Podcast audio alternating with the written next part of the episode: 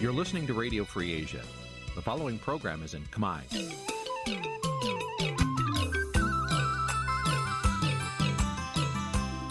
Nǐ chi càm bi tiệp xáy vệt chiu a zì sê នេះជាកម្មវិធីផ្សាយរបស់ Vithu Azisari ជាភាសាខ្មែរ វិទ្យុអាស៊ីសេរីសូមស្វាគមន៍លោកអ្នកនាងទាំងអស់ពីរដ្ឋធានី Washington នៃសហរដ្ឋអាមេរិក ចាប់ពីរដ្ឋធានី Washington នាងខ្ញុំម៉ៃសុធានីសូមជម្រាបសួរលោកអ្នកស្ដាប់ទាំងអស់ជាទីមេត្រីចាយើងខ្ញុំសូមជូនការផ្សាយសម្រាប់ព្រឹកថ្ងៃសុក្រ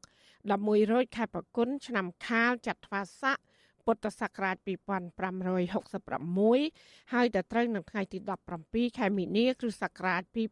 2023ជាដំបូងនេះសូមអញ្ជើញលោកអ្នកនាងកញ្ញាស្ដាប់ព័ត៌មានប្រចាំថ្ងៃដែលមានមេត្តា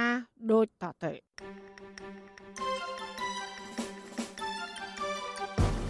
សភាអឺរ៉ុបអនុម័តសេចក្តីសម្រេចជាផ្លូវការប្រមានដល់ប្រព័ន្ធអនុគ្រោះពន្ធ EBA បន្ថែមទៀតពីកម្ពុជាក្រុមកម្មការរោងចក្រថាប្រាក់ឧបត្ថម្ភរបស់ក្រសួងកាងារគឺមិនគ្រប់គ្រាន់សម្រាប់គ្រប់គ្រងជីវភាពក្នុងគ្រួសារស្ត្រីរងគ្រោះដែលគ្រូពេទ្យវគ្គកាត់ខុសបច្ចេកទេសធ្វើឲ្យដាច់ពោះវៀនបានបាត់បង់ជីវិត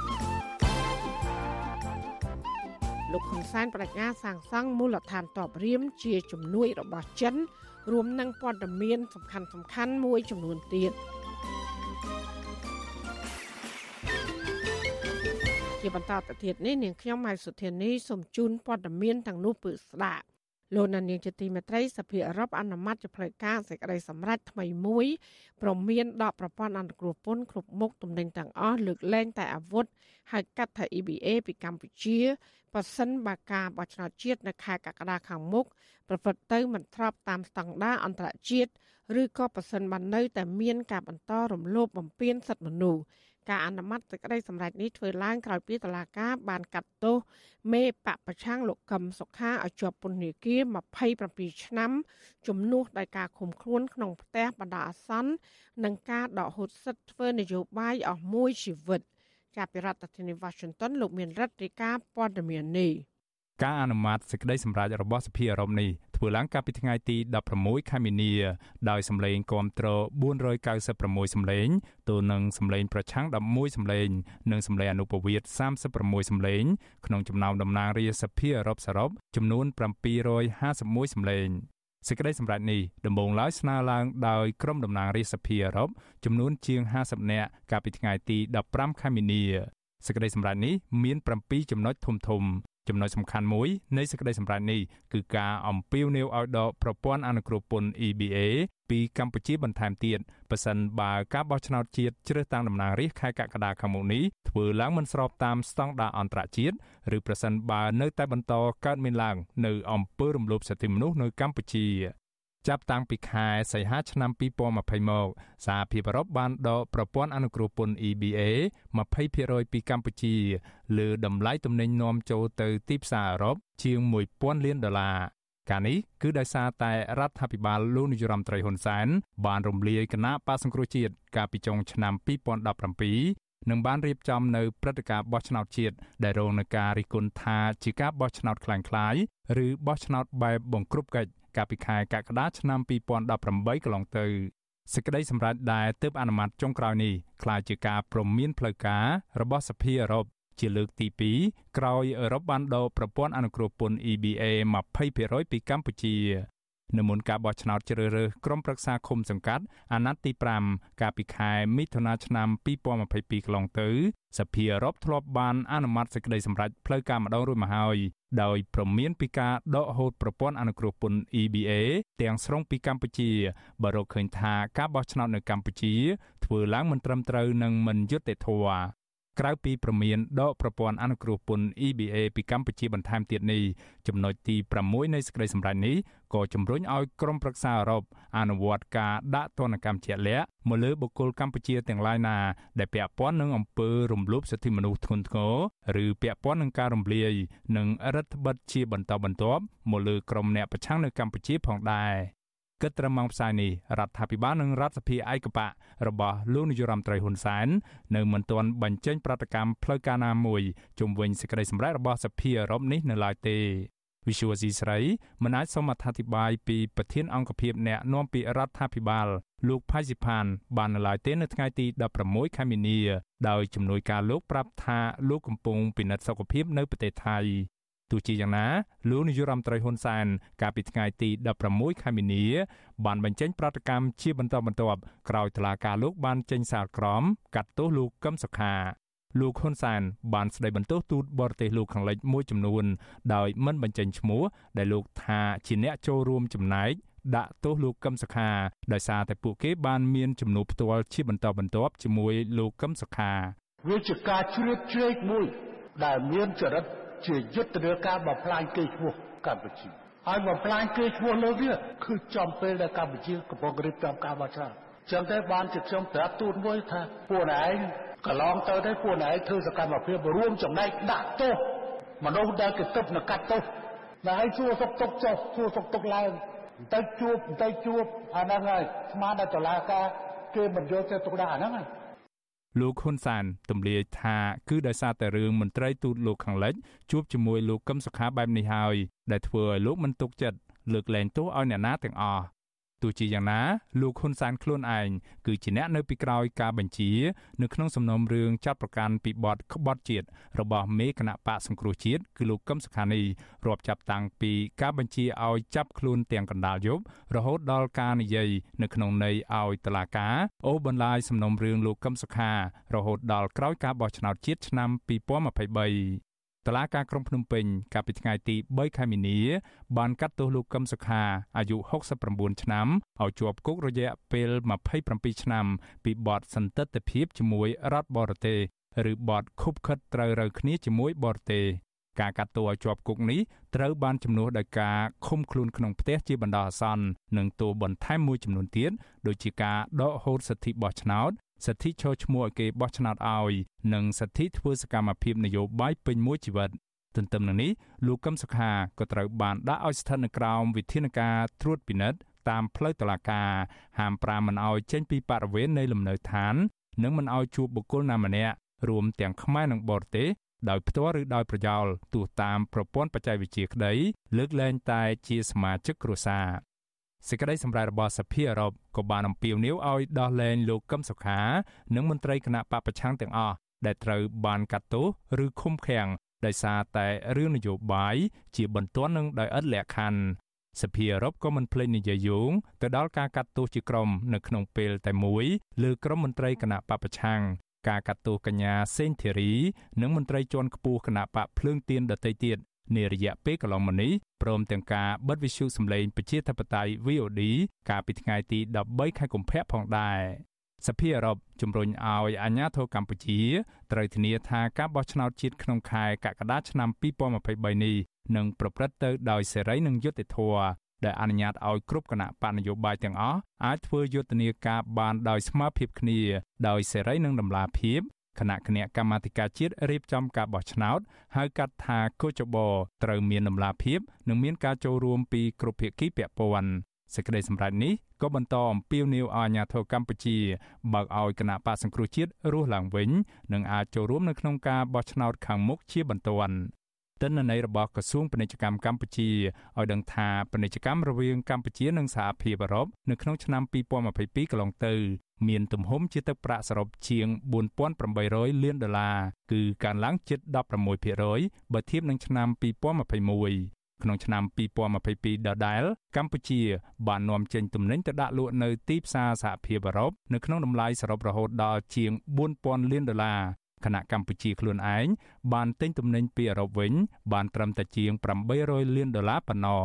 ខុសពីមិត្តដៃថៃចិនសហភាពអឺរ៉ុបនិងសហរដ្ឋអាមេរិកនៅតែជាទីផ្សារទិញទំនិញដ៏ធំបំផុតចំនួន2របស់កម្ពុជា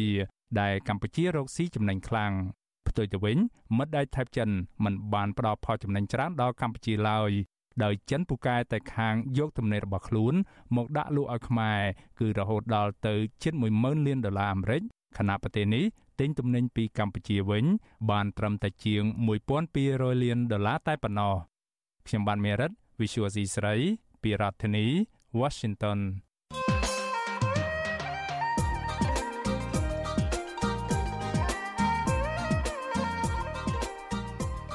ចសហភាពអឺរ៉ុបកាលពីយប់ថ្ងៃប្រហ័សទី16មីនាម្សិលមិញនេះបានបោះឆ្នោតសម្រេចដោយសម្លេងគាំទ្រលើសលប់ ក្នុងការដាក់ទណ្ឌកម្មផ្នែកសេដ្ឋកិច្ចដល់រដ្ឋាភិបាលកម្ពុជាលោកហ៊ុនសែនសហភាពអឺរ៉ុបទុកពេលឲ្យលោកហ៊ុនសែនកែលម្អស្ថានភាពនៅក្នុងប្រទេសកម្ពុជា ជាពិសេសដោះលែងលោកកម្មសខារហូតដល់ក្រោយការបោះឆ្នោតនៅខែកក្កដាខាងមុខរួចមុននឹងការដាក់ទណ្ឌកម្មនេះចូលជាធរមានបើសិនជាដូច្នេះមែនតើកម្ពុជានឹងរងផលប៉ះពាល់សេដ្ឋកិច្ចបែបណាក្រោយពីបាត់បង់ប្រព័ន្ធអនុគ្រោះពន្ធ EBA ពីសហភាពអឺរ៉ុបនេះតើកម្មករឬប្រជាពលរដ្ឋប្រមាណលាននាក់ ដែលនឹងរងផលប៉ះពាល់ដោយផ្ទាល់ក្រោយពីបាត់បង់ប្រព័ន្ធអនុគ្រោះពន្ធ EBA នេះបាទសូមលោកនេះរងចាំស្ដាប់នីតិវិទ្យាអ្នកស្ដាប់អាស៊ីសេរីដែលនឹងជជែកអំពីបញ្ហានេះនៅយប់ថ្ងៃសុក្រទី17មិនិនានេះកុំបីខាន បាទកម្មវិធីនេះសម្រាប់សម្រួលដល់ខ្ញុំបាទទីនសាការីយ៉ាបើសិនជាលោកនាងចង់បញ្ចេញជាមតិយោបល់ឬសួរសំណួរមកកាន់វិក្កាមរបស់យើងសូមលោកនាងដាក់លេខទូរស័ព្ទនៅក្នុងខ្ទង់ comment Facebook ឬ YouTube របស់ Vithu Asisari ក្រុមការងាររបស់យើងនឹងហៅទៅលោកនាងវិញ បាទសូមអរគុណ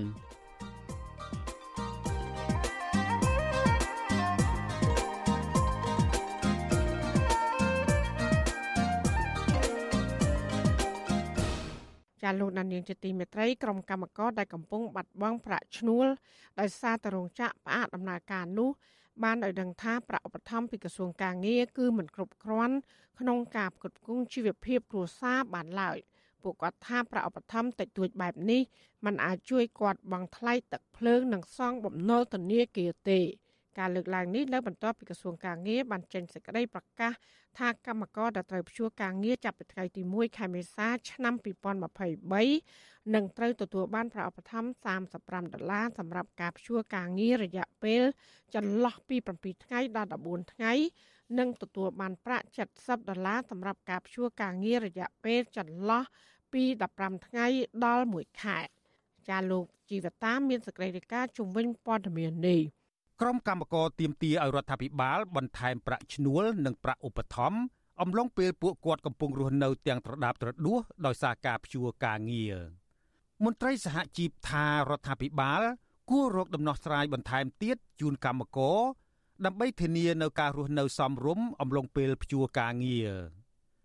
តំណាងសហជីពរោងចក្រ Man U Garment លោកពេជ្រពិសិដ្ឋប្រាប់វិទ្យុអាស៊ីសេរីនៅថ្ងៃទី16មីនាថាប្រាក់ឧបត្ថម្ភរបស់រដ្ឋាភិបាលនេះមិនអាចទប់ទល់ចំពោះការចំណាយរបស់លោកបានឡើយលោកបញ្ជាក់ថាមូលហេតុដែលថៅកែរោងចក្រព្យួរការងារគឺដោយសារគ្មានអ្នកបញ្ជាទិញទំនិញហើយរោងចក្រគ្មានថវិកាគ្រប់គ្រាន់ដើម្បីទិញសម្ភារៈ ខាងរដ្ឋាភិបាលខាងក្រសួងសូមឲ្យធ្វើការយកចិត្តទុកដាក់ទៅលើបងប្អូនកម្មករដែលគាត់កំពុងជួបផលលំបាកនៅក្នុងកលៈទេសៈនៃជួរការងារនិងច្បាស់វត្ថុធាតុដើមក្នុងការធ្វើនេះជួយតាមដានរាល់សកម្មភាពរបស់តកែរោងចក្រមួយចំនួនដែលគាត់បានធ្វើការការជួរការងារខុសពីគោលការណ៍ច្បាប់អីចឹងណាក៏អត់បានដូចជាឧទាហរណ៍ដូចអត់បានជូនដំណឹងឬក៏មិនបានឲ្យប្រាក់ប្រាក់ឈ្នួលដែលកំឡុងពេលព្យួរហ្នឹងឲ្យជួយឲ្យក្រសួងជួយតាមដានរាល់ការងារទាំងអស់នេះផងបាទ ស្រដៀងគ្នានេះដែរតំណាងគណៈកម្មការរោងចក្រ Man Ugarment ម្នាក់ទៀតគឺអ្នកស្រីហេងស៊ីណាថ្លែងថាប្រាក់ឧបត្ថម្ភនិងប្រាក់ថៅកែផ្ដល់ឲ្យ40%នេះមិនគ្រប់សម្រាប់ឲ្យកូនកូនអ្នកស្រីរៀននោះទេ អ្នកស្រីបន្តថាសប្តាហ៍នេះអ្នកស្រីជំពាក់បំណុលធនាគារច្រើន ហើយអ្នកស្រីចង់រកការងារធ្វើផ្សេងទៀតក៏ពិបាកព្រោះតែមិនដឹងថ្ងៃកំណត់ចូលធ្វើការវិញច្បាស់លាស់ អ្នកស្រីស្នើដល់រដ្ឋាភិបាលឲ្យជួយផ្ដល់ប្រាក់ឧបត្ថម្ភច្រើនជាងនេះការលើកឡើងទាំងអស់នេះធ្វើឡើងបន្ទាប់ពីក្រសួងការងារបានចេញសេចក្តីជូនដំណឹងកាលពីថ្ងៃទី15មីនាថាកម្មករដែលត្រូវព្យួរការងារចាប់ពីថ្ងៃទី1ខែមេសាឆ្នាំ2023នឹងត្រូវទទួលបានប្រាក់ឧបត្ថម្ភ20ដុល្លារពីរដ្ឋាភិបាលនិង15ដុល្លារពីថៅកែរោងចក្រសម្រាប់ការព្យួរការងាររយៈពេលចន្លោះពី7ថ្ងៃដល់14ថ្ងៃ និងទទួលបាន40ដុល្លារពីរដ្ឋាភិបាលនិង30ដុល្លារពីថៅកែរោងចក្រសម្រាប់ការព្យួរការងាររយៈពេលចន្លោះពី15ថ្ងៃដល់1ខែលើសពីនេះក្រសួងការងារបានបញ្ជាក់ថាប្រាក់ឧបត្ថម្ភនេះគឺសម្រាប់តែកម្មកររោងចក្រក្នុងវិស័យវិជ្ជាភ័ណ្ឌកាត់ដេរផលិតស្បែកជើង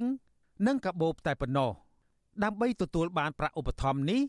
ក្រសួងណែនាំឲ្យកម្មករភ្ជាប់មកជាមួយនៅអត្តសញ្ញាណប័ណ្ណសញ្ជាតិខ្មែរ លេខទូរស័ព្ទផ្ទាល់ខ្លួន វិញ្ញាបនបត្រពាណិជ្ជកម្មវិញ្ញាបនបត្របញ្ជីសហគ្រាសគ្រឹះស្ថានក្នុងបសសនិងលេខគណនីធនាគាររបស់រោងចក្រដើម្បីក្រសួងយកទៅផ្ទេរប្រាក់ឧបត្ថម្ភតាមរយៈធនាគារឯកទេសវិញក្រសួងក៏ប្រមានថាចំពោះជនណាដែលខុបខិតខ្លាញ់បន្លំព័ត៌មានណាមួយនឹងត្រូវទទួលខុសត្រូវចំពោះមុខច្បាប់ជាធរមានជុំវិញរឿងនេះ ប្រធានសហជីពការងារកម្ពុជា លោកអាតធុនមានប្រសាសន៍ថាលោកគាំទ្ររដ្ឋាភិបាលដែលគិតគូរដល់ក្រុមកម្មករដែលកំពុងជួបទុក្ខលំបាកប៉ុន្តែលោកថា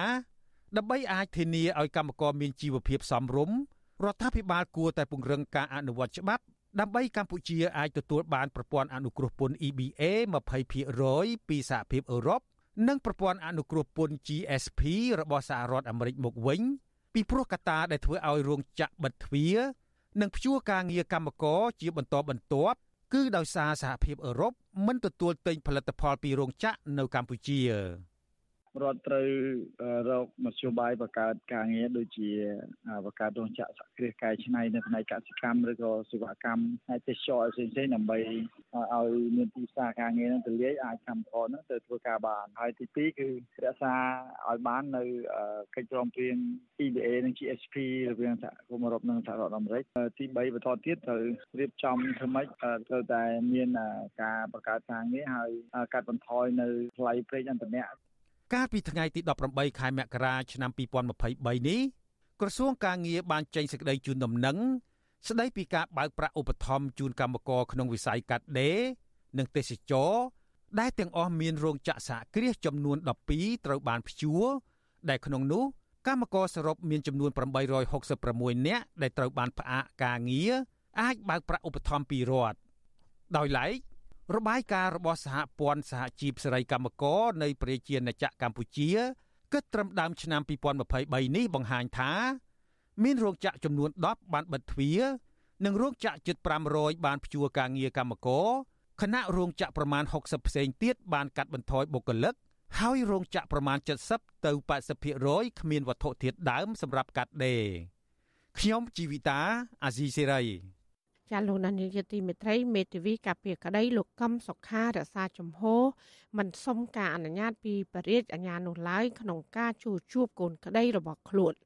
មេធាវីលើកឡើងដូចនេះជាការឆ្លើយតបទៅនឹងតំណាងអាយកាសាលាដំបងរាជធានីភ្នំពេញ ដែលទាមទារឲ្យក្រុមមេធាវីការពារលោកកឹមសុខាត្រូវសុំការអនុញ្ញាតពីខ្លួនជាមុនសិនបើសិនជាពួកគាត់ចង់ជួបកូនក្តីព្រោះនេះគឺជាបំរាមរបស់តុលាការ ជាប្រធានាធិបតី Washington លោកជុនច័ន្ទបុតរាយការណ៍ព័ត៌មាននេះមេធាវីការពីក្តីលោកកឹមសុខារំលឹកទៅស្ថាប័នអនុវត្តច្បាប់ ថាលោកកឹមសុខាមានសិទ្ធិគ្រប់គ្រាន់ក្នុងការទទួលបានជំនួយផ្នែកច្បាប់ពីមេធាវី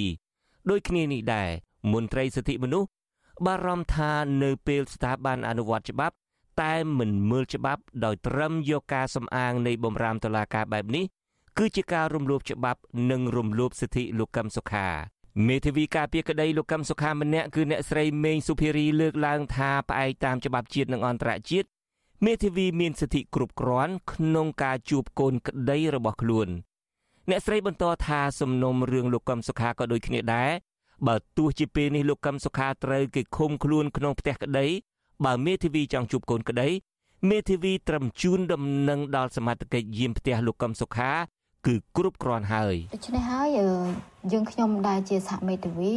ចង់ទៅជួបអាយដាមកឹមសុខាដែលជាកូនក្តីរបស់យើងខ្ញុំយើងខ្ញុំគ្រាន់តែជម្រាបទៅសមត្ថកិច្ចដែលយាមនៅមុខផ្ទះគាត់គឺជារឿងត្រឹមត្រូវហើយហើយការដែលឲ្យយើងខ្ញុំទៅសុំទៅព្រះរាជអាជ្ញានោះគឺយើងមិនអាចធ្វើបានទេពីព្រោះច្បាប់ពុំតម្រូវឲ្យយើងត្រូវធ្វើដូច្នេះឡើយម្យ៉ាងទៀតនៅក្នុងសាលក្រមរបស់សាលាដំបងរាជធានីភ្នំពេញបានបើកសិទ្ធឲ្យអាយដាមកឹមសុខាប្តឹងឧទ្ធរក្នុងរយៈពេល1ខែគិតពីថ្ងៃប្រកាសសាលក្រមហើយចុះបើអាយដាមកឹមសុខាអត់បានទទួលជំនួយផ្នែកច្បាប់ពីមេធាវីថាតើសិទ្ធិប្តឹងឧទ្ធររបស់អាយដាមត្រូវបានធានាដែរឬទេប្រតិកម្មរបស់មេធាវីការពីក្តីលោកកឹមសុខាពេលនេះធ្វើឡើងក្រោយពេលតំណាងអាយកាសាលាដំបងរាជធានីភ្នំពេញទាមទារឲ្យក្រុមមេធាវីលោកកឹមសុខាត្រូវសុំការអនុញ្ញាតពីតំណាងអាយកាជាមុនសិនប្រសិនបើចង់ជួបកូនក្តីរបស់ខ្លួនសេចក្តីថ្លែងការណ៍របស់អ្នកនាំពាក្យតំណាងអាយកាលើកឡើងថាក្នុងសាលក្រមផ្ដន់ទោសលោកកឹមសុខា តុលាការបានដាក់បំរាមមិនឲ្យលោកកឹមសុខាជួបបុគ្គលណាម្នាក់ទាំងសញ្ជាតិខ្មែរនិងបរទេសដោយផ្ទាល់ឬដោយប្រយោលតាមប្រព័ន្ធបច្ចេកវិទ្យាក្រៅពីសមាជិកគ្រួសារលើកលែងតែមានការអនុញ្ញាតពីព្រះរាជអាជ្ញាអមសាលាដំបងរាជធានីភ្នំពេញ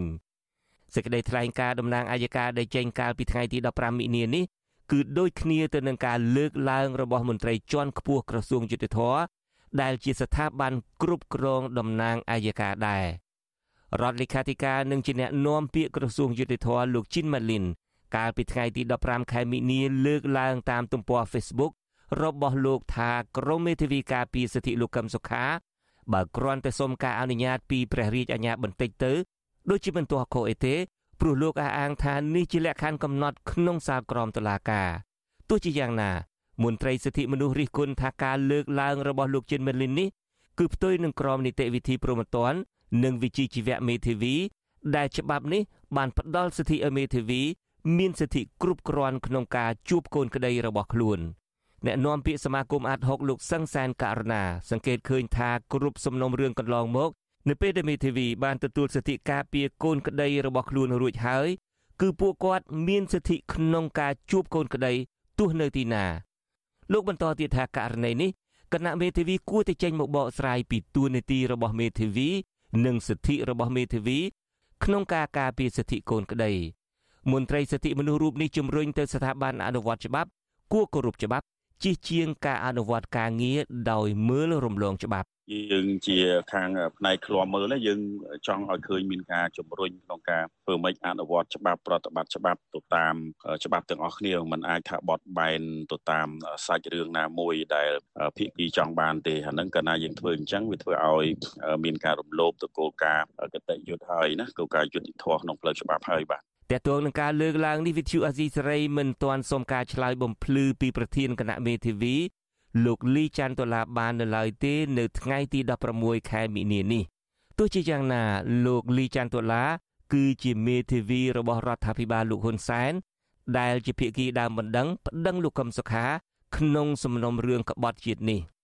ជុំវិញរឿងនេះដែរលោកនាយករដ្ឋមន្ត្រីហ៊ុនសែនដែលជាភាគីដើមបណ្ដឹងបានថ្លែងឌឺដងទៅមេដឹកនាំនិងអង្គទូតប្រទេសលោកសេរី ដែលជួបលោកកឹមសុខានាពេលកន្លងមកនេះថាគឺសុទ្ធតែជាធាតផ្សំបត់ល្មើសខុបខិតជាមួយបរទេសក្នុងការផ្ដួលរំលំរដ្ឋាភិបាលរបស់លោកលោកហ៊ុនសែនក៏ប្រកាសមិនលើកលែងឲ្យលោកកឹមសុខាផងដែរកន្លងទៅទៅពួកឯងធ្វើសកម្មភាពរួមចំណែកដាក់ទោសមនុស្សដែលគេទឹកនឹងកាត់ទោសតែឯងសួរសុកទុកចុះសួរសុកទុកឡើងបន្តិចជួបបន្តិចជួបអាហ្នឹងហើយស្មានដល់តឡាការ គេមិនយកទៅទុកដាក់អាហ្នឹងហើយវាក៏បានបង្កើតនៅចំណុចដែលហ៊ុនសែនមិនជឿទុកចិត្តលើកលែងទោសឲ្យណានាទាំងអស់តែទៅដឹងអេរិយាបថខ្លះគឺណែឯងជួយធ្វើបាបអ្នកជាប់ទោសនោះវិញទេលោកហ៊ុនសែនថ្លែងដូចនេះក្នុងពិធីចែកសញ្ញាបត្រដល់និស្សិតនៅរាជធានីភ្នំពេញនៅថ្ងៃទី16ខែមិនិនាអ្នកជំនាញច្បាប់លោកវ៉ាន់ចាន់លូតតបទៅនឹងការចោទប្រកាន់របស់លោកហ៊ុនសែនថាអ្នកដឹកនាំមិនគួរចេះតែបកស្រាយ ឬបង្កើតហេតុផលណាមួយ ដើម្បីយកមកតម្រូវអ្វីដែលខ្លួនធ្វើនោះទេយុវជនវ៉ាន់ចាន់លូតចង់ឃើញអ្នកដឹកនាំធានាឲ្យមានយុត្តិធម៌និងឯកភាពជាតិគាត់ថាផ្ទៃខ្លះយើងចេះតែរោហេតុផលដើម្បីឲ្យវាសមស្របឲ្យវាសមនោមទៅនឹងអ្វីដែលខ្លួនកំពុងតែធ្វើហើយជាការគិតចេញពីការទទួលខុសត្រូវមួយរបស់ខ្លួនបាទ ប្រធានគណៈបកសង្គ្រោះជាតិលោកកឹមសុខាដែលត្រូវបានតុលាការក្រុងភ្នំពេញផ្ដន្ទាទោស27ឆ្នាំនិងដកហូតសិទ្ធិសំខាន់សំខាន់ស្ទើរអស់ពីខ្លួននោះ មានរយៈពេលតែជាង2សប្តាហ៍ទៀតទេ ដើម្បីប្តឹងឧទ្ធរប្រឆាំងនឹងការសម្រេចនេះក៏ប៉ុន្តែស្ថាប័នអនុវត្តច្បាប់នានាបានរៀបរៀងមេធាវីការពីក្តីលោកកឹមសុខាជាបន្តបន្ទាប់មិនឲ្យក្រុមមេធាវី បំពេញកាតព្វកិច្ចរបស់ខ្លួន ក្នុងការជួបកូនក្តីនោះឡើយ។ ខ្ញុំជួនច័ន្ទបុត With you Azizi Saray Washington ចាលោកនាងជាទីមេត្រីពាក់ព័ន្ធនឹងសមាជិកគណៈបកសង្គ្រោះជាតិចំនួន13នាក់វិញដែលកំពុងជាប់ឃុំនៅពន្ធនាគារត្រពាំង plong ក្រុមឧស្សាហ៍និងមេធាវីការពារក្តីស្នើសុំឲ្យតឡាការកំពូលទម្លាក់ចោលការចាប់ប្រកាន់និងផ្ដោតសេរីភាពដល់ពួកគេឡើងវិញ ការស្នើសុំនេះធ្វើឡើងនៅក្នុងពេលដែលតឡាការកំពូលបានបើកសវនកម្មលើបណ្ដឹងសារទុករបស់ជនជាប់ឃុំនយោបាយទាំងនោះ កាលពីព្រឹកថ្ងៃទី16ខែមីនាម្សិលមិញហើយក្រុងប្រកាសសាធិការនៅថ្ងៃទី30ខែមីនាខាងមុខចាលោកថាថៃរាយការណ៍ពុស្រាជំវិញព័ត៌មាននេះដូចតទៅបើទោះបីជាក្រុមគ្រួសាររបស់គណៈបកសង្គ្រោះជាតិទាំង13នាក់ដែលកំពុងជាប់ឃុំឃាំងនៅពន្ធនាគារត្រពាំង plong មើលឃើញថាប្រព័ន្ធតុលាការគ្រប់ជាន់ថ្នាក់ មិនបានបំពេញទូនាទីដោយវិជ្ជាជីវៈនិងឯករាជ្យត្រឹមត្រូវដូចគ្នាក្តីក៏ពួកគាត់នៅតែទទូចដល់តុលាការកំពូលឲ្យសម្រេចដោះលែងប្តីរបស់ពួកគាត់នៅថ្ងៃប្រកាសសាលដីកាខាងមុខដោយសារតែពួកគាត់ទាំង13នាក់បានទទួលរងនឹងការឈឺចាប់និងជាប់ពន្ធនាគារទាំងគ្មានកំហុសជិត3ឆ្នាំមកហើយប្រពន្ធសមាជិកគណៈបកសង្គ្រោះជាតិខេត្តកំពង់ធំលោកសុនធុនគឺលោកស្រីសេងចន្ទថនថ្លែងថាក្រុមលោកស្រីគ្មានសង្ឃឹមថាទទួលបានយុត្តិធម៌ពីប្រព័ន្ធតុលាការសពថ្ងៃនេះឡើយ ក៏ប៉ុន្តែលោកស្រីថាប្រសិនបើមន្ត្រីតុលាការធ្វើការងារទៅតាមច្បាប់ពិតប្រាកដនោះគឺលោកស្រីសង្ឃឹមថាប្តីរបស់លោកស្រីនិងសកម្មជននយោបាយផ្សេងទៀតនឹងទទួលបានយុត្តិធម៌ជាជាមិនខានជាពិសេសពួកគាត់នឹងមិនត្រូវបានចាប់ឃុំខ្លួនតាំងពីដំបូងមកម្លេះ តែបើគាត់អត់ធ្វើតាមច្បាប់ទេខ្ញុំគ្មានសង្ឃឹមទេបើធ្វើទៅតាមគេបញ្ជាធ្វើទៅតាមចិត្តខ្លួនឯងកាត់អ្វីក៏បានចង់ឲ្យចេញចេញចង់ឲ្យចូលចូលនឹងខ្ញុំគ្មានសង្ឃឹមទេចាបើគាត់ទៅធ្វើតាមតាមគាត់ខ្ញុំមានសង្ឃឹមដោយសារតែពួកគាត់អត់មានកំហុសគាត់អត់មានទោសណាទៅក្បត់ជាតិមានទោសណាទៅរួមកលិតក្បត់ហើយគាត់ក្បត់ជាតិតតែទៅលក់របស់ជាតិអាហ្នឹងបានក្បត់ជាតិតែគាត់អត់មានដែរទៅលក់អីបានម្ដុំហើយគាត់ជាគ្រូបរិញ្ញាម្នាក់គ្រាន់តែបង្រៀនសិស្សឲ្យស្គាល់ពីសង្គមឲ្យយកចំណេះដឹងទៅបម្រើសង្គមហ្នឹង ហើយសួរថាគាត់រៀនកន្លែងណាចាអញ្ចឹងការកាត់ក្តីរបស់ពួកគាត់ហ្នឹងមិនយកច្បាប់មកកាត់ទេកាត់ច្បាប់នៅលើប្រវេមាត់ចាហើយសាលាអូតូអញ្ចឹងដែរគាត់អត់មានថាអូទៅសាររឿងក្តីហ្នឹងគេប្តឹងឡើងអូតូគួរតែគាត់ហ្នឹងទៅរិះរោគមធ្យោបាយចុះស៊ើបអង្កេតមើលថាតើពួកគាត់នឹងក្បត់មែនអត់ក្បត់រឿងអីចំណុចណានៅកន្លែងណាថ្ងៃណាខែណាឆ្នាំណា ចាបើគាត់អត់ទៅស៊ើបផងគេរុញពីតឡាការដំបងមកប៉ុណ្ណាគាត់ទុកជាបានការអញ្ចឹងគាត់ធ្វើការរាល់ថ្ងៃហ្នឹងគាត់អង្គុយទៅនឹងកៅអីហ្នឹងគាត់គាត់យកតែលបាយការគេមកកាត់ហ្នឹងគាត់អត់មានចុះស៊ើបផងថាពួកខ្ញុំគាត់មែនអត់ផងចាអញ្ចឹងវាអយុត្តិធម៌សម្រាប់ពួកខ្ញុំប្រធានក្រុមប្រឹក្សាជំនុំជម្រះតុលាការកំពូលលោកចៅក្រមសឹងបញ្ញវុឌ្ឍនៅព្រឹកថ្ងៃទី16មិនិនា បានបើកសវនាការលើបណ្ដឹងរបស់សមាជិកគណៈបកប្រឆាំងទាំង13រូបដែលទាមទារឲ្យបដិសេធសេចក្តីសម្រេចរបស់សាលាឧទ្ធរនិងសាលាដំបងរាជធានីភ្នំពេញដែលបានកាត់ទោសពួកគាត់ឲ្យជាប់ពន្ធនាគារម្នាក់ម្នាក់5ឆ្នាំប៉ុន្តែតម្រូវឲ្យអនុវត្តទោសជាប់ពន្ធនាគារ3ឆ្នាំនិង8ខែក្រុមបទចោតរួមគំនិតក្បត់និងញុះញង់នៅក្នុងបន្ទប់សវនាការក៏មានវត្តមានសកម្មជនជាប់ឃុំទាំង13រូបនិងមេធាវីការពារក្តីព្រមទាំងមានការតាមដានសវនាការពីមន្ត្រីការពារសិទ្ធិមនុស្សផងដែរ មេធាវីការពារក្តីលោកសំសុគង្គឡើងធ្វើសេចក្តីសន្និដ្ឋាននៅចំពោះមុខចៅក្រមថាកូនក្តីរបស់លោកទាំង13រូបត្រូវបានសមត្ថកិច្ចចាប់ខ្លួនពាក់ព័ន្ធនឹងការបញ្ចេញមតិស្របតាមច្បាប់រឿង COVID-19 ក៏ប៉ុន្តែចុងក្រោយបែរជាចោតប្រកាន់ពួកគាត់ពីបទរួមគំនិតក្បត់និងញុះញង់គឺមិនត្រឹមត្រូវតាមអង្គហេតុនិងអង្គច្បាប់ឡើយលោកសំសុគង្គទាមទារឲ្យតុលាការកំពូលទម្លាក់ចោលការចោតប្រកាន់និងដោះលែងកូនក្តីរបស់លោកវិញបន្ទាប់ពីសវនាការរួច តុលាការកំពូលក៏សម្រេចលើកពេលទៅប្រកាសសាលដីកានៅថ្ងៃទី30ខែមីនាខាងមុខនៅឯខាងក្រៅរបងតុលាការកំពូលវិញក្រុមប្រពន្ធកូនរបស់សមាជិកគណៈបកសង្គ្រោះជាតិដែលមានគ្នាប្រមាណជាង20នាក់ក៏បានលើកបដានិងរូបថតអ្នកជាប់ឃុំដោយទាមទារតវ៉ាឲ្យតុលាការដោះលែងគ្រួសាររបស់ពួកគាត់ក្រុមការឃ្លាំមើលពីអាជ្ញាធរនិងកងកម្លាំងសន្តិសុខជាច្រើនអ្នកអនុប្រធានគណៈបកភ្លឹងទៀនលោករងឈុនក៏បានទៅចូលរួមលើកទឹកចិត្តដល់អ្នកជាប់ឃុំទាំងនោះដែរ ដោយសារពួកគាត់ធ្លាប់ជាប់ឃុំក្នុងពន្ធនាគារព្រៃសរជាមួយគ្នាកាលពីដំបូងនិងមួយចំនួនគឺជាគ្រូបង្រៀនដែលធ្លាប់ធ្វើការជាមួយគ្នាថែមទៀតផងកូនប្រុសសមាជិកបកប្រឆាំងមួយរូបនៅខេត្តព្រៃវែងលោកសុកចន្ទថាគឺលោកសុកចម្រើនរៀបរាប់ថាការចាប់ឃុំខ្លួនឪពុកនិងមន្ត្រីគណៈបកសង្គ្រោះជាតិផ្សេងទៀតទាំងអយុធធររយៈពេលជិត3ឆ្នាំមកនេះបានធ្វើឲ្យក្រុមគ្រួសាររបស់ពូលោកឈឺចាប់បំផុត ជាពិសេសម្ដាយរបស់លោកដែលបាក់ទឹកចិត្តធ្លាក់ខ្លួនឈឺរិញរៃរហូតបាត់បង់ជីវិតកាលពីពេលថ្មីថ្មីនេះទាំងមិនទាន់បានជួបមុខប្តីជាលើកចុងក្រោយលោកអំពីវនីវឲ្យសហគមន៍អន្តរជាតិដាក់សម្ពាធទៅរដ្ឋាភិបាលដើម្បីឲ្យដោះលែងអ្នកទោសនយោបាយទាំងអស់ឲ្យមានសេរីភាព យើងនៅស្រាប់ឲ្យបងប្រព័ន្ធតឡាការបើសិនជាមានអំណាចមួយ ដែលធំនៅពីលើ ដែលគាត់អាចបញ្ជាឆ្វេងឆ្វេងស្ដាំស្ដាំអាហ្នឹងយើងមិនទាន់ដឹងទេបងចាំមើលទៅមុខទៀតថ្ងៃទី30គាត់នឹងប្រកាសសាក្រមថាអនុវត្តយ៉ាងម៉េចខ្ញុំសង្ឃឹមហើយសង្ឃឹមទៀតខ្ញុំទទួលទទួលទៀតសង្ឃឹមថាថ្ងៃទី30គាត់នឹងគោរពវិជ្ជាជីវៈគោរពឧត្តមគតិរបស់គាត់ដល់ភាពយុត្តិធម៌ឲ្យពួកបាខ្ញុំទាំងអស់គ្នាដែលជាមន្ត្រីគណៈបកសង្គ្រោះជាតិ សមាជិកបកប្រឆាំងទាំង13នាក់នេះរួមមានលោកកែវថៃលោកសុនធុនលោកយឹមសារ៉េតលោកសុកចន្ទថាលោកកកុម្ភាលោកជុំច័ន្ទជាដើមអ្នកទាំង13នាក់នេះត្រូវបានអាជ្ញាធរចាប់ឃុំខ្លួនជាបន្តបន្ទាប់កាលពីដើមឆ្នាំ2020តាមរយៈការលួចស្ដាប់កិច្ចសន្ទនាឯកជនរបស់ពួកគាត់តាមទូរស័ព្ទពាក់ព័ន្ធទៅនឹងការជជែកគ្នាពីការព្រួយបារម្ភរឿងជំងឺ Covid-19 និងការព្រួយបារម្ភពីផលប៉ះពាល់នៃការបាត់បង់ប្រព័ន្ធអនុគ្រោះពន្ធ EBA ពីសហភាពអឺរ៉ុបក្រោយការចាប់ខ្លួន តុលាការបានបដូរបទចោតប្រកាន់ពួកគាត់ពីរឿង COVID-19 ទៅជាចោតប្រកាន់ពីបទរួមគំនិតក្បត់និងញុះញង់ទៅវិញការចាប់ខ្លួននៅពេលនោះទៀតសោតគឺអាជ្ញាធរមិនបានបង្ហាញដោយការត្រឹមត្រូវពលគឺតែងតែកុហកឲ្យពួកគាត់ទៅជួបអ្នកនេះឬអ្នកនោះរួចហើយចាប់ដាក់ឡានគ្មានទាំងសម្លៀកបំពាក់ត្រឹមត្រូវយកទៅឃុំនៅក្នុងពន្ធនាគារដោយមិនបានផ្ដល់ដំណឹងដល់ក្រុមគ្រួសាររបស់ពួកគាត់នោះទេមន្ត្រីជាន់ខ្ពស់នៃសមាគមការពារសិទ្ធិមនុស្សអាត6លោកយីសុកសានមានប្រសាសន៍ថា តុលាការកំពូលគូតែពិចារណាឲ្យហួសពីតុលាការជាន់ទាបពីព្រោះមន្ត្រីគណៈបកប្រឆាំងទាំង13រូបនេះគ្រាន់តែបញ្ចេញមតិរឿងជំងឺ Covid-19 ដូច្នេះមិនគូចោតប្រកាន់ពួកគាត់ពីបទរួមគំនិតក្បត់នោះទេខណៈដែលពួកគាត់មិនបានធ្វើសកម្មភាពនយោបាយខុសច្បាប់ឡើយក្រោយពេលដែលគណៈបកសង្គ្រោះជាតិត្រូវបានរំលាយសម្រាប់ពួកគាត់ដែល13នាក់ដែលគាត់ ព្រាត់ប្រាសគ្រួសារនៅក្នុងរបបជាធិបតេយ្យហើយមានសន្តិភាពហើយមិនគួរដាក់ទូដាក់ទណ្ឌគាត់ទេគួរទៅដល់លេងឲ្យគាត់បានជួបជុំប្រពន្ធគាត់ឲ្យពួកគាត់ចាស់ចាស់ហើយសម្រាប់នៅសល់តិចតួចឆ្នាំហ្នឹងគួរតែពិចារណាដល់លេងឲ្យគាត់មានសេរីភាពទៅបាទ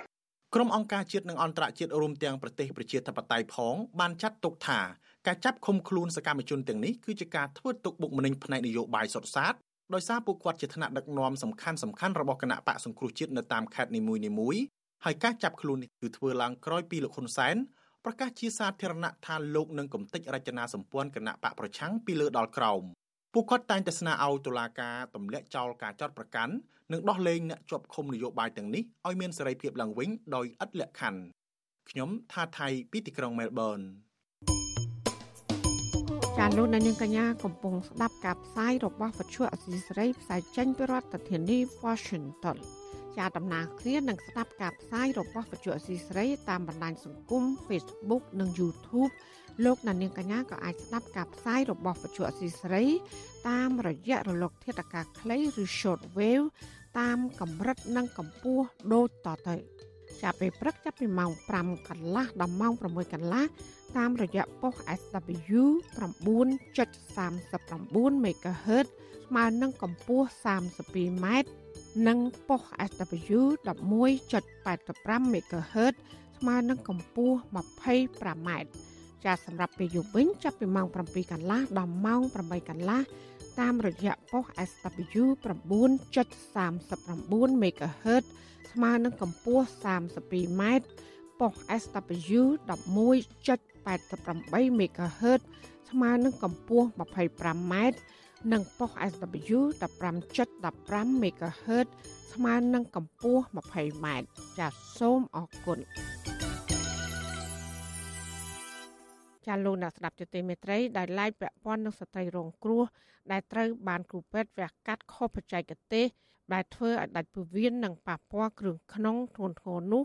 ស្ត្រីរូបនេះបានបាត់បង់ជីវិតហើយក្រោយពីបានឈឺរ៉ាំរ៉ៃជិត4ខែ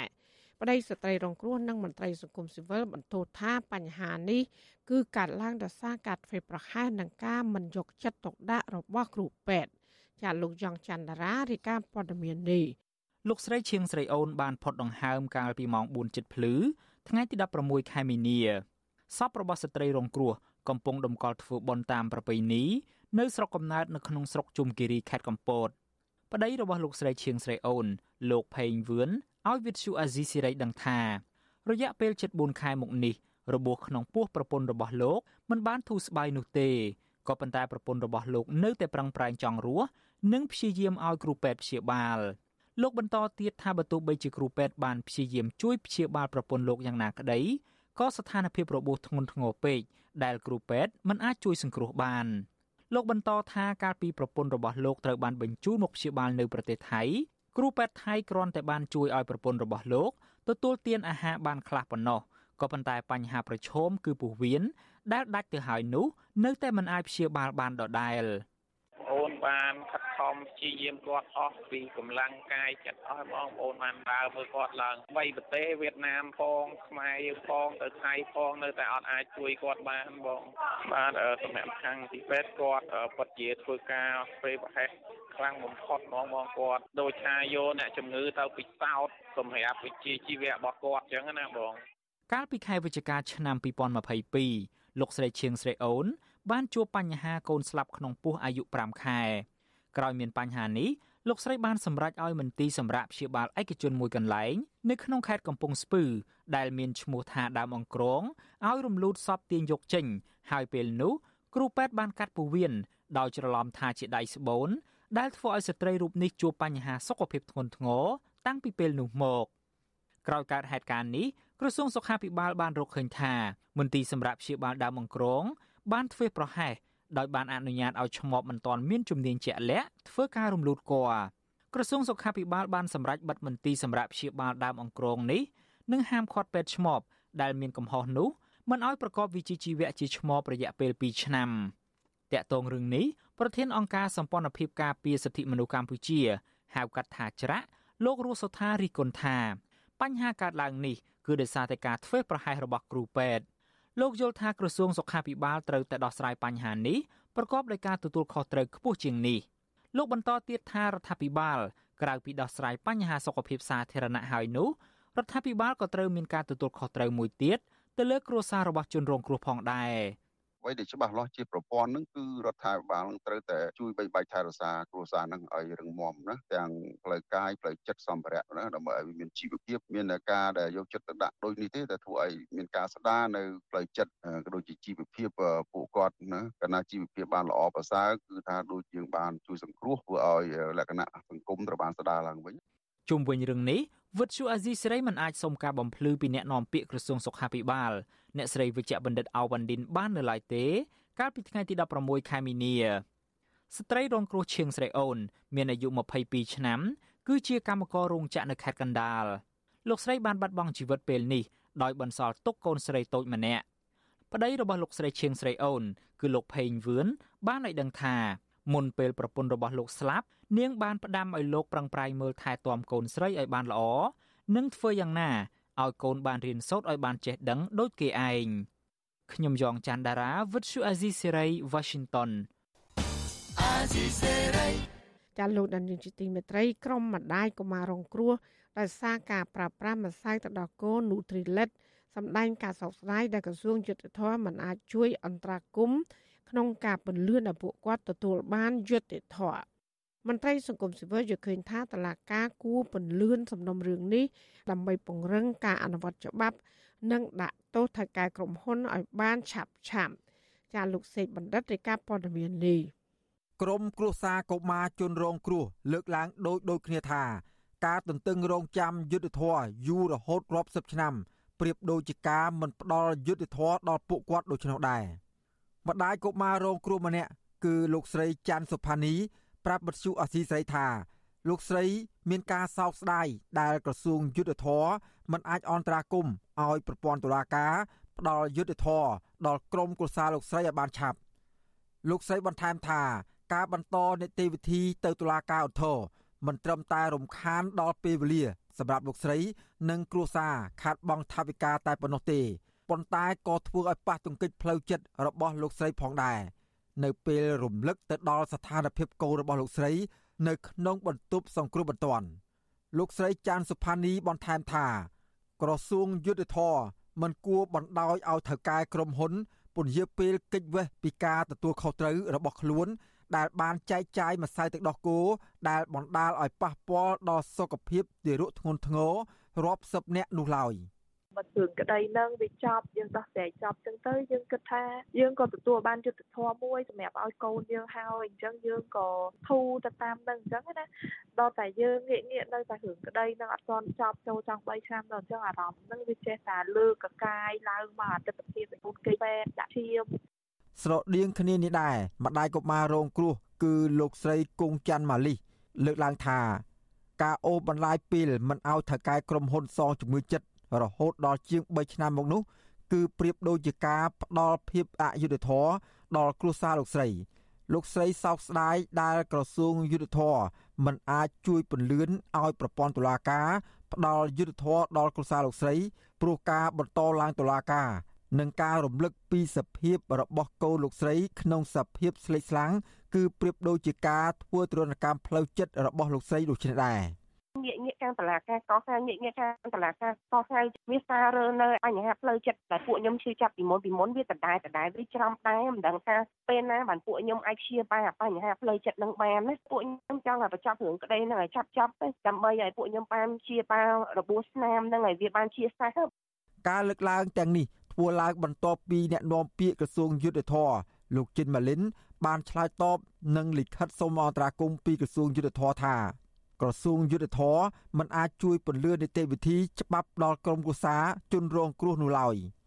ក្រុមហ៊ុនអេនិង TK Trading បានចែកចាយម្សៅទឹកដោះគោ Nutrilett គ្មានគុណភាព ធ្វើឲ្យទារកឈឺខ្វះក្របឈាមក្រហម ខ្វះជាតិដែកនិងជាតិសង្កសីធ្ងន់ធ្ងរកាលពីឆ្នាំ2019សាលាដំបងរាជធានីភ្នំពេញកាលពីខែមេសាឆ្នាំ2022 បានសម្រេចឲ្យថៅកែក្រុមហ៊ុនចែកចាយម្សៅទឹកដោះគោ Nutrilett គឺលោកស្រីខុនកៅរស្មីជាប់ពន្ធនាគារ10ខែនិងត្រូវបង់ថវិកាចូលរដ្ឋចំនួន8លានរៀលជាមួយគ្នានេះតុលាការក៏បានសម្រេចឲ្យក្រុមហ៊ុនសងជំងឺចិត្តដល់ក្រុមគ្រួសារកុមារជនរងគ្រោះពីការប្រើប្រាស់ម្សៅទឹកដោះគោចំនួន21គ្រួសារផងដែរដោយគ្រួសារនីមួយៗទទួលបានប្រាក់ចាប់ពី10000ដុល្លារទៅដល់20000ដុល្លារអាមេរិក ដោយផ្អែកតាមស្ថានភាពជាក់ស្ដែង ការខាតបង់នៃគ្រួសារនីមួយៗប៉ុន្តែរហូតមកទល់នឹងពេលនេះក្រុមគូសាជនរងគ្រោះនៅតែមិនទាន់ទទួលបានសំណងជំងឺចិត្តដោយសារភៀកគីក្រុមហ៊ុន បានបន្តប្តឹងទាស់ទៅសាលាឧទ្ធរចំពោះការសម្រេចរបស់សាលាដំបងរាជធានីភ្នំពេញជុំវិញរឿងនេះអ្នកនាំពាក្យសមាគមការពារសិទ្ធិមនុស្សអាត6លោកសឹងសានករណាយល់ឃើញថា ប្រព័ន្ធតុលាការគួរតែបញ្ចប់សំណុំរឿងការចែកចាយម្សៅទឹកដោះគោដែលធ្វើឲ្យប៉ះពាល់ដល់សុខភាពទារកនេះឲ្យបានឆាប់លោកបន្ថែមថាការពន្យាពេលសវនាការរហូតដល់រាប់ឆ្នាំបែបនេះមិនត្រឹមតែឆ្លុះបញ្ចាំងពីភាពទន់ខ្សោយនៃការអនុវត្តច្បាប់នោះទេ តែក៏អាចធ្វើឲ្យសាធារណជន មានការសង្ស័យលើភាពស្មោះត្រង់របស់មន្ត្រីតុលាការផងដែរខណៈសំណុំរឿងនេះ គឺជាវិវាទរវាងក្រមប្រជាពលរដ្ឋសាមញ្ញជាមួយនឹងថៅកែក្រុមហ៊ុនដែលមានទ្រព្យសម្បត្តិច្រើន។សិនជាប្រព័ន្ធអនុវត្តច្បាប់យើងបានល្អបានប្រសើរត្រឹមត្រូវហើយមិនមែនតែក្រុមហ៊ុនមួយនេះទេគឺក្រុមហ៊ុនផ្សេងផ្សេងទៀតក្តីគឺមិនហ៊ានអនុវត្តអ្វីឲ្យផ្ទុយពីច្បាប់ទេដោយសារតែអ្នកទាំងអស់នោះមិនរួចផុតពីសំណាញ់ច្បាប់ហើយផ្ដន់ទាទោសដោយមានផ្ដោសំណងផ្ដន់ទាទោសតាមច្បាប់ដោយឲ្យឃើញជាក់ស្ដែងបែបនេះ ចង់មិនចង់អ្នកផ្សេងទៀតគាត់មិនហ៊ានល្មើសទេបើសិនជាការអនុវត្តច្បាប់ដោយត្រឹមត្រូវដោយតឹងរឹងហើយមានការផ្ដល់យុត្តិធម៌ទៅដល់ជនរងគ្រោះបានច្បាស់លាស់ខ្ញុំជឿជាក់ថាករណីបែបនេះអាចនឹងមិនកើតមានឡើងនៅក្នុងសង្គមកម្ពុជាទៀតទេអង្គការសង្គមស៊ីវិលលើកឡើងថាការអនុវត្តនីតិវិធីច្បាប់ទៅលើថៅកែក្រុមហ៊ុន ដែលបានចែកចាយម្សៅទឹកដោះគោនាំឲ្យប៉ះពាល់ដល់សុខភាពធ្ងន់ធ្ងរដល់ទារករាប់រយនាក់ហាក់ដូចជាមានស្តង់ដារ2 ប្រៀបធៀបជាមួយនឹងការកាត់ក្តីទៅលើសកម្មជនការងារសង្គមនិងនយោបាយក្រមគ្រួសារកុមាររងគ្រោះលើកឡើងថាពួកគាត់បន្តដាក់ពាក្យប្តឹងអន្តរាគមន៍ទៅកាន់ស្ថាប័នរដ្ឋបន្តទៀតក្នុងពេលខាងមុខដើម្បីឲ្យក្រុមហ៊ុនសងជំងឺចិត្តដល់ក្រុមគ្រួសារពួកគាត់ឲ្យបានឆាប់ខ្ញុំបាទសេកបណ្ឌិតវិទ្យុអាស៊ីសេរីពីរដ្ឋធានីវ៉ាស៊ីនតោនចា លោកនាងជាទីមេត្រីវិទ្យុអាស៊ីសេរីសូមជូនដំណឹងថាយើងគ្មានអ្នកយកព័ត៌មានប្រចាំទៅប្រទេសកម្ពុជានោះឡើយ។បើសិនជាមានជនណាម្នាក់អះអាងថាជាអ្នកយកព័ត៌មានឲ្យវិទ្យុអសីស្រីនៅកម្ពុជានោះគឺជាការក្លែងបន្លំយកឈ្មោះរបស់វិទ្យុអសីស្រី ក្នុងគោលបំណងទុច្ចរិតរបស់បុគ្គលនោះចាសសូមអរគុណ ចាលោកនានីជាទីមេត្រីមន្ត្រីសង្គមស៊ីវិលអំពីនីវអាញាធិបពពាន់ទប់ស្កាត់សកម្មភាពបរបាញ់និងការតាំងលក់សាច់សត្វស្លាបកម្រជាច្រើនប្រភេទនៅលើទីផ្សារនៅខេត្តកំពង់ឆ្នាំងនិងនៅតាមខេត្តមួយចំនួនទៀតមន្ត្រីសង្គមស៊ីវិលនិងប្រជាប្រដ្ឋបានដឹងថាសត្វស្លាបជាច្រើនប្រភេទដែលកំពុងរស់នៅតាមតំបន់ដាច់ស្រយាលតំបន់ការពារធម្មជាតិព្រៃភ្នំបឹងបួរទន្លេ ក្នុងខេត្តកំពង់ឆ្នាំងកោះកុងនិងខេត្តបន្ទាយមានជ័យនៅតែទទួលរងការលួចបរបាញ់ដាក់អន្ទាក់និងដាក់ថ្នាំពុលដើម្បីយកធ្វើអាជីវកម្មពួកគាត់សង្កេតឃើញថាអាញាធរហាក់ចាត់ទុកករណីនេះជារឿងតូចតាច និងមិនចាប់អារម្មណ៍អនុវត្តច្បាប់ដែលធ្វើឲ្យសត្វស្លាបកម្រជាច្រើនប្រភេទបន្តរងគ្រោះឥតឈប់ឈរមន្ត្រីសម្រាប់ទំនួលសមាគមការពារសិទ្ធិមនុស្សអាត់ហុកខេត្តកំពង់ឆ្នាំង លោកសំច័ន្ទគៀប្រពន្ធស៊ីស្រីនៅថ្ងៃទី16ខែមីនាថាប្រសិនបាអាញាធរគ្មានវិធានការច្បាស់លាស់ដើម្បីទប់ស្កាត់និងបង្ក្រាបករណីនេះបាក់សីកម្រជាច្រើនប្រភេទនឹងផុតពូជនៅពេលដ៏ខ្លីខាងមុខលោកថាគោលការណ៍ច្បាប់មិនអនុញ្ញាតឲ្យបបបាញ់ដាក់អន្ទាក់និងចាប់សត្វព្រៃធ្វើអាជីវកម្មនោះឡើយពលរដ្ឋមួយចំនួនគាត់ក្រីក្រគាត់យកមធ្យោបាយហ្នឹងមធ្យោបាយហ្នឹងដើម្បីរកចំណូលគាត់ ហើយអ្នកខ្លះទៅក៏អត់ដឹងថាអាមធ្យោបាយរបស់គាត់ហ្នឹងគឺជាមធ្យោបាយដែលខុសច្បាប់ទេអញ្ចឹងហើយបើសិនជាអាជ្ញាធរខាងរដ្ឋបាលព្រៃឈើកសិកម្មឬមួយខាងបរិស្ថានដែលចាប់អារម្មណ៍ហ្នឹងគឺជួយទប់ស្កាត់ជួយធ្វើការផ្សព្វផ្សាយអាហ្នឹងដល់ពលរដ្ឋ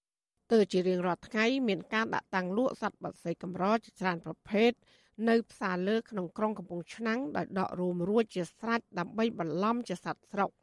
សត្វស្លាបដែលតាំងលក់ភាគច្រើនរួមមានសត្វកុកសសត្វជ្រិចលលោកមន់ទឹកសត្វដុំដុលនិងសត្វខ្លុំជាដើមលោកសំច័ន្ទគាទទូចអាជ្ញាធរខេត្តសម័យនីមួយៗជួយផ្សព្វផ្សាយអប់រំណែនាំប្រជាពលរដ្ឋនិងកំណត់មុខសញ្ញាបុគ្គលដែលប្រកបមុខរបរបាញ់សត្វព្រៃខុសច្បាប់ ដើម្បីចាត់វិធានការផ្លូវច្បាប់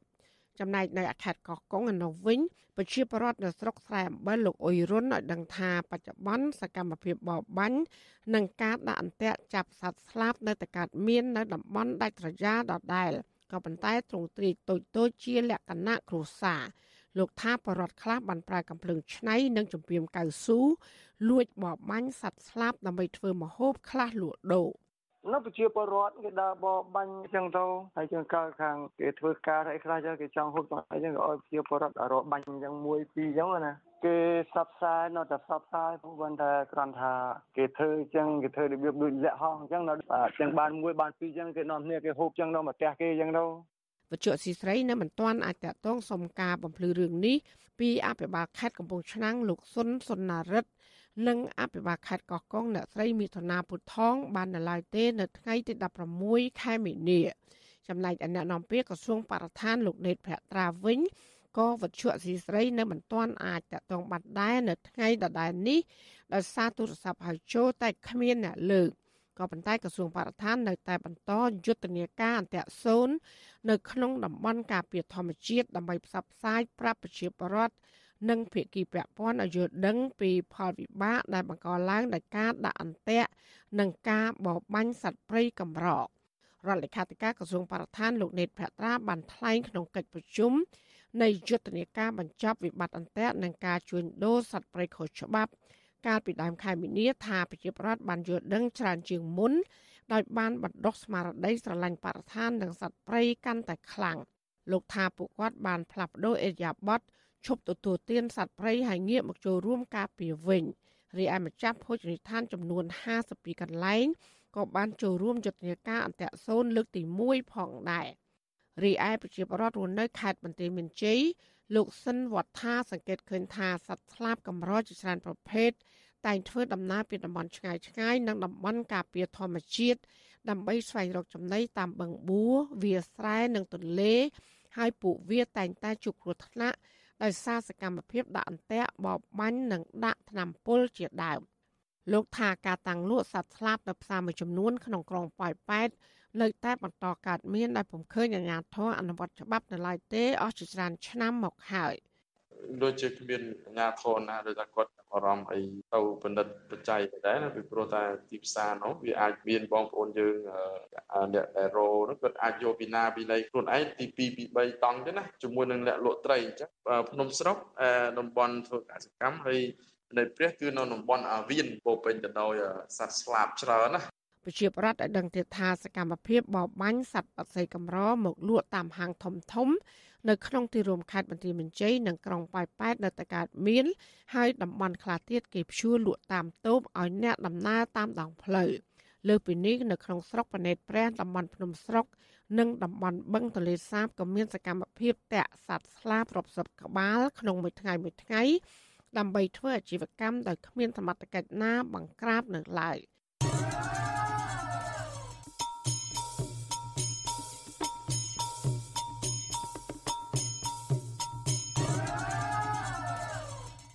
លោកដានៀងកញ្ញាកំពុងស្ដាប់ការផ្សាយរបស់វិទ្យុអសីស្រីផ្សាយចេញពីរដ្ឋធានី Washington លោកនាយករដ្ឋមន្ត្រីហ៊ុនសែនបញ្ចេញប្រតិកម្មខ្លាំងខ្លាំងដាក់សហរដ្ឋអាមេរិកដែលលោកចាត់ទុកថាការប្រើប្រាស់ប្រព័ន្ធផ្កាយរណបតាមដានការសាងសង់មូលដ្ឋានទ័ពរៀមថាជារឿងមិនចាំបាច់និងជារឿងឆោតល្ងង់អ្នកវិភាគនយោបាយព្រួយបារម្ភថាវោហារស័ព្ទខ្លាំងខ្លាំងរបស់លោកហ៊ុនសែនមកលើសហរដ្ឋអាមេរិកនៅពេលនេះ នឹងកាន់តែធ្វើឲ្យទំនាក់ទំនងកម្ពុជាអាមេរិកធ្លាក់ដុនដាបជាបន្ថែមទៀតនិងមិនចំណេញសម្រាប់កម្ពុជានោះឡើយចាប់ពីរដ្ឋធានី Washington លោកទីនសាការីយ៉ារីកាពឹស្ដាជំវិញព័ត៌មាននេះ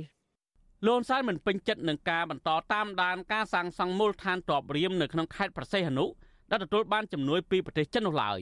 ហើយលោកបានចោទសហរដ្ឋអាមេរិកថាកំពុងតែចាប់ផ្ដើមធ្វើយុទ្ធនាការឡើងវិញ ដើម្បីបង្ខូចកេរ្តិ៍ឈ្មោះកម្ពុជានៅលើឆាកអន្តរជាតិនៅមុនពេលបោះឆ្នោតជ្រើសតាំងតំណាងរាស្ត្រនៅខែកក្កដាខាងមុខលោកប្រាប់សហរដ្ឋអាមេរិកថាកម្ពុជា បានសម្ពោធបុកគ្រឹះសាងសង់មូលដ្ឋានទ័ពជើងទឹករៀមនេះយ៉ាងបើកចំហរួចហើយមិនមែនជាការសម្ងាត់អ្វីនោះទេ ហើយក៏មិនចាំបាច់ប្រើប្រាស់ប្រព័ន្ធផ្កាយរណបបន្តតាមដាននោះដែរគឺប្រើតែភ្នែកទទេក៏មើលឃើញដែរលន់សានថ្លែងនៅក្នុងពិធីចែកសញ្ញាបត្រដល់និស្សិតនៅថ្ងៃទី16មីនាលោកអះអាងថា កម្ពុជាមានសិទ្ធិពង្រឹងសមត្ថភាពមូលដ្ឋានទ័ពនៅលើទឹកដីរបស់ខ្លួនហើយមិនមែនប្រើប្រាស់សម្រាប់គម្រិតកំហែងប្រទេសណាមួយឡើយលោកប្រមាថខ្លាំងខ្លាំងដាក់សារអាមេរិកថាការលើកឡើងថាមូលដ្ឋានទ័ពជើងទឹករៀមនេះអាចប្រើប្រាស់ដោយកងទ័ពរបស់ចិនឬអាចអនុញ្ញាតឲ្យនាវាផ្ទុកយន្តហោះចិនចំនួន2គ្រឿងចូលចោតនោះ ជាអ្នកមានខួរក្បាលអន់មេដឹកនាំឯកបៈរូបនេះបន្តអួតអាងថា វាជាទង្វើរឿងជ្រុលហួសហេតុ នៅពេលប្រើប្រាស់ប្រព័ន្ធផ្កាយរណបដើម្បីផ្តិតយករូបសម្ងាត់ពីមូលដ្ឋានទ័ពជើងទឹករៀមស្ថិតនៅក្នុងការដ្ឋានសាងសង់រួមទាំងការបូមខ្សាច់ឲ្យទឹកកាន់តែជ្រៅអាចធ្វើឲ្យនាវាខ្នាតធំចូលចតបាននិងសាងសង់អគារថ្មីថ្មីមួយចំនួនទៀតអគារនឹងវានឹងឡើងខ្ពស់ថ្ងៃចាំទៅមើលទៅវាខ្ពស់ពេកហើយចាំបាច់ចាប់កាត់តឡាយទៅខ្មោចហើយលងងហើយក៏លងងណាបើថាមិនបើថាភ្លើណាខ្ញុំបញ្ជូននៃទាហានរបស់ខ្ញុំទៅពង្រៀនដែរ ឬក៏បញ្ជូននិស្សិតរបស់ខ្ញុំទៅពង្រៀនឯងមិនបាច់ខ្ញុំទៅពង្រៀនផ្ទាល់ទេពួកវិស្វកម្មពួកសំណង់ស៊ីវិលរបស់យើងអាចទៅពង្រៀនឯងបានហើយរបៀបធ្វើយ៉ាងម៉េចធ្វើដូចជាជ្រុលពេកលន់សានបានខឹងច្រឡោតសហរដ្ឋអាមេរិកនៅពេលនេះគឺពាក់ព័ន្ធនឹងរូបភាពផ្កាយរណបដែលថតបាននៅចុងក្រោយបង្អស់កាលពីខែមករាឆ្នាំ2023ពីលើតំបន់ឆ្នេរសមុទ្រជំវិញខេត្តប្រសេះអនុរូបភាពផ្កាយរណបនោះ បានបង្ហាញការអភិវឌ្ឍយ៉ាងឆាប់រហ័សគួរឲ្យកត់សម្គាល់នៅមូលដ្ឋានទ័ពជើងទឹករៀមដែលគេសង្ស័យថាកុម្មុយនីសចិន មកពង្រីកឥទ្ធិពលយោធារបស់ខ្លួនទាំងនៅក្នុងតំបន់អាស៊ីអាគ្នេយ៍រហូតដល់ច្រកសមុទ្រតៃវ៉ាន់ការសាងសង់ដ៏ឆាប់រហ័សនេះបានកើតឡើងគឺក្រោយតែកន្លះឆ្នាំប៉ុណ្ណោះបន្ទាប់ពីកម្ពុជានិងចិន បានចាប់ផ្ដើមគម្រោងសាងសង់មូលដ្ឋានទ័ពនៅរៀមនេះមន្ត្រីជំនួយការជាន់ខ្ពស់ផ្នែកកម្មវិធីការពារជាតិនៅមជ្ឈមណ្ឌលសន្តិសុខអាមេរិក លោក Tom Sugat បានប្រាប់វិទ្យុអាស៊ីសេរីនៅពេលនោះថាសំណង់ថ្មីថ្មីមួយចំនួនត្រូវបានសាងសង់នៅចំកណ្ដាលមូលដ្ឋានទ័ពរៀមហើយក្នុងនោះសំណង់មួយចំនួនមានលក្ខណៈស្រដៀងទៅនឹងរោងចក្រស៊ីម៉ង់សម្រាប់កត់ផ្គង់ទៅគម្រោងសាងសង់ទាំងមូលស្រដៀងគ្នាដែរផែសំចតថ្មីទាំងពីរហាក់ដូចជាផែសំចតបណ្ដោះអាសន្នសម្រាប់សាឡុងផ្ទុកឧបករណ៍និងសម្ភារៈសាងសង់ហើយមិនមែនជាផែសំចតសម្រាប់បម្រើនាវាចម្បាំងនោះឡើយ តំបន់ធំធំចំនួន2ត្រូវបានឈូសឆាយសម្អាតសម្រាប់ការសាងសង់នៅចំណុចកណ្ដាលនិងភាគអាគ្នេយ៍នៃមូលដ្ឋានទ័ពរៀមដែលមានទំហំជាង26ហិកតាហើយការឈូសឆាយសម្អាតនៅចំកណ្ដាលមានទំហំ11ហិកតាឬស្មើប្រហែល15%នៃផ្ទៃដីសរុបនៃមូលដ្ឋានទ័ពរៀមនៅក្នុងគម្រោងសាងសង់បច្ចុប្បន្ននេះក្រៅពីកំពង់ផែសំចតថ្មីចំនួន2ចិនក៏បានជួយកម្ពុជាសាងសង់ចំណតស្ងួតមួយទៀតផ្លូវជំរាលមួយ មន្ទីរពេទ្យមួយអាគារនិងផ្លូវមួយចំនួនហើយជួយកងទ័ពជើងទឹកកម្ពុជាជួសជុលនាវាចាស់ចាស់និងផ្លូវនាវាដឹកខ្សាច់សម្រាប់អនុញ្ញាតឲ្យនាវាទំហំមធ្យមអាចចូលទៅចតនៅមូលដ្ឋានទ័ពរៀមបានលោកហ៊ុនសែនបន្ថែមថាប្រសិនបើសហរដ្ឋអាមេរិកនៅតែមិនព្រមយល់ពីកម្ពុជានោះកម្ពុជាក៏មិនព្រមយល់ពីអាមេរិកវិញដែរលោកបញ្ជាក់ថាការសាងសង់សមត្ថភាពមូលដ្ឋានទ័ពនៅពេលនេះដើម្បីប្រើប្រាស់ការពារអធិបតេយ្យជាតិ ប្រយុទ្ធប្រឆាំងនឹងការរត់ពន្ធមនុស្សរត់ពន្ធគ្រឿងញៀនការនេសាទខុសច្បាប់ឬអក្រិតកម្មឆ្លងដែននៅក្នុងសមុទ្រជាដើមលើសពីនេះនៅពេលសាងសង់រួចហើយកម្ពុជានឹងបើកឲ្យនាវាចម្បាំងបរទេសទាំងអស់ចូលចតធ្វើទស្សនកិច្ចដើម្បីធ្វើសមយុទ្ធរួមគ្នាលោកហ៊ុនសែនបានប្រមានអាមេរិកទៀតថាបើចង់មានទំនាក់ទំនងល្អជាមួយអាស៊ានត្រូវតែធ្វើល្អជាមួយសមាជិកអាស៊ានទាំងអស់បើពុំដូច្នេះទេកម្ពុជានឹងប្រើប្រាស់ឋានៈជាសមាជិកអាស៊ាន ជំទាស់ទៅនឹងភាពជាដៃគូណាមួយជាមួយអាមេរិក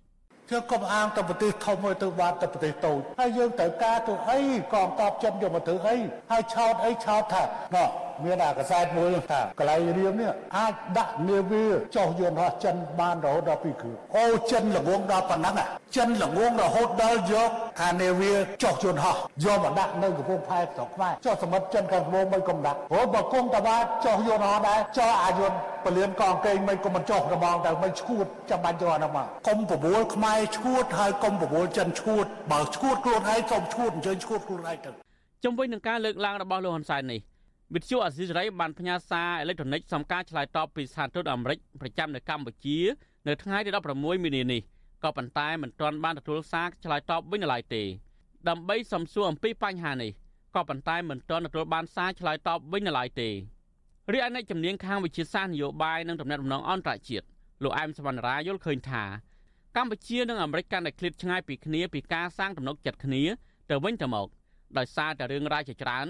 ដូចជារឿងកាត់ទោសលោកកម្មសខាប្រធានគណៈបកសង្គ្រោះជាតិការលុបចោលសម្ពយុទ្ធយោធារួមគ្នា ការពង្រីកមូលដ្ឋានទ័ពរៀមនេះជាដើមលោកព្រួយបារម្ភថាបើសិនជាកម្ពុជាមិនអាចធ្វើឲ្យអាមេរិកមានទំនុកចិត្តឡើងវិញទេនោះចំនួនតំណែងតំណងខាងយោធានៅពេលនេះនឹងអាចរីករាលដាលដល់តំណែងតំណងការទូតនិងតំណែងតំណងសេដ្ឋកិច្ចពាណិជ្ជកម្មរវាងប្រទេសទាំងពីរថែមទៀតផង។ និយាយជាជារួមកម្ពុជាជារដ្ឋតូចពឹងអាស្រ័យទៅលើផលប្រយោជន៍តំណែងការទូតហើយនឹងផលពាណិជ្ជកម្មពីលោកខាងលិចជាពិសេសសហរដ្ឋអាមេរិកនឹងច្រើនហើយបើសិនបើកម្ពុជានិងសហរដ្ឋអាមេរិកមានតំណែងគ្នាមិនល្អវាជះឥទ្ធិពលទាំងនយោបាយការបរទេសទាំងផ្នែកសេដ្ឋកិច្ចដល់ដល់ប្រទេសកម្ពុជាអញ្ចឹងធ្វើឲ្យមានការពិបាកឬក៏ការអភិវឌ្ឍជាតិណាចំណែកឯនាយវិភាគនយោបាយម្នាក់ទៀតបណ្ឌិតសេងសេរីវិញលើកឡើងថា ការប្រើប្រាស់ពាក្យសម្ដីឆ្លើយតបខ្លាំងៗទៅលើអាមេរិករបស់លោកហ៊ុនសែននៅពេលនេះនឹងមិនអាចផ្ដល់ផលចំណេញអ្វីដល់កម្ពុជានោះទេហើយក៏មិនអាចរកច្រកសម្រាប់ដោះស្រាយបញ្ហាបានដែរ។ កម្ពុជាគួរតែរកវិធីឆ្លើយតបឬក៏រកវិធីបញ្យលបង្ហាញទៅដល់អន្តរជាតិឲ្យឃើញថាកម្ពុជាមានចេតនាអភិវឌ្ឍមូលដ្ឋានទ័ពនេះក្នុងចេតនាដើម្បីពង្រឹងសមត្ថភាពកងទ័ពជើងទឹករបស់ខ្លួននិងគោលបំណងពាណិជ្ជកម្មតែប៉ុណ្ណោះជាជាងការឆ្លើយតបតាមបែបផ្ដឺផ្ដងឬក៏តាមបែបការប្រមាថឬក៏ការប្រើប្រាស់គេហៅថាសង្គ្រាមវោហារសាស្ត្រសារ៉ាអាមេរិកនិងប្រទេសលោកខាងលិចនៅតែមិនជឿតាមការបកស្រាយរបស់លោកហ៊ុនសែននៅឡើយ។ ដោយសារតែកន្លងមកសហរដ្ឋអាមេរិកបានលើកឡើងថា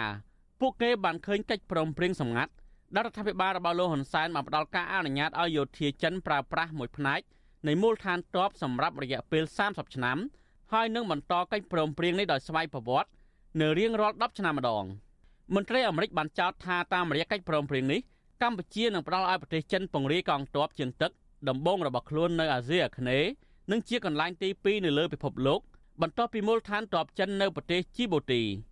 អំឡុងពេលមានការចាប់ប្រកាន់នេះរដ្ឋាភិបាលលោកហ៊ុនសែនក៏បានវាកំទេចអាគារដែលជាជំនួយរបស់អាមេរិកដោយគ្មានជឿដំណឹងជាមុនរួមទាំងការប្រកាសផ្អាកធ្វើសមយុទ្ធយោធារួមគ្នាជាមួយអាមេរិកកាលពីឆ្នាំ2017និវិភាននយោបាយយល់ឃើញថាដើម្បីដោះស្រាយបញ្ហានៅពេលនេះកម្ពុជាគួរតែបើកកិច្ចចរចាដោយលើកយកបញ្ហានៅមូលដ្ឋានទ័ពរៀមដាក់លើតុជជែកជាមួយអាមេរិកថាតើសហរដ្ឋអាមេរិក ត្រូវការអ្វីឲ្យពិតប្រាកដនិងចង់ឃើញពីដំណាភាពបណ្ណាតកតងនឹងសន្តិសុខជាតិរបស់កម្ពុជាជាជាងការបន្តសង្គ្រាមវោហារស័ព្ទដាក់គ្នាទៅវិញទៅមកដូចពេលនេះខ្ញុំទីនសាការីយ៉ាអស៊ីសេរីប្រធានីវ៉ាស៊ីនតោន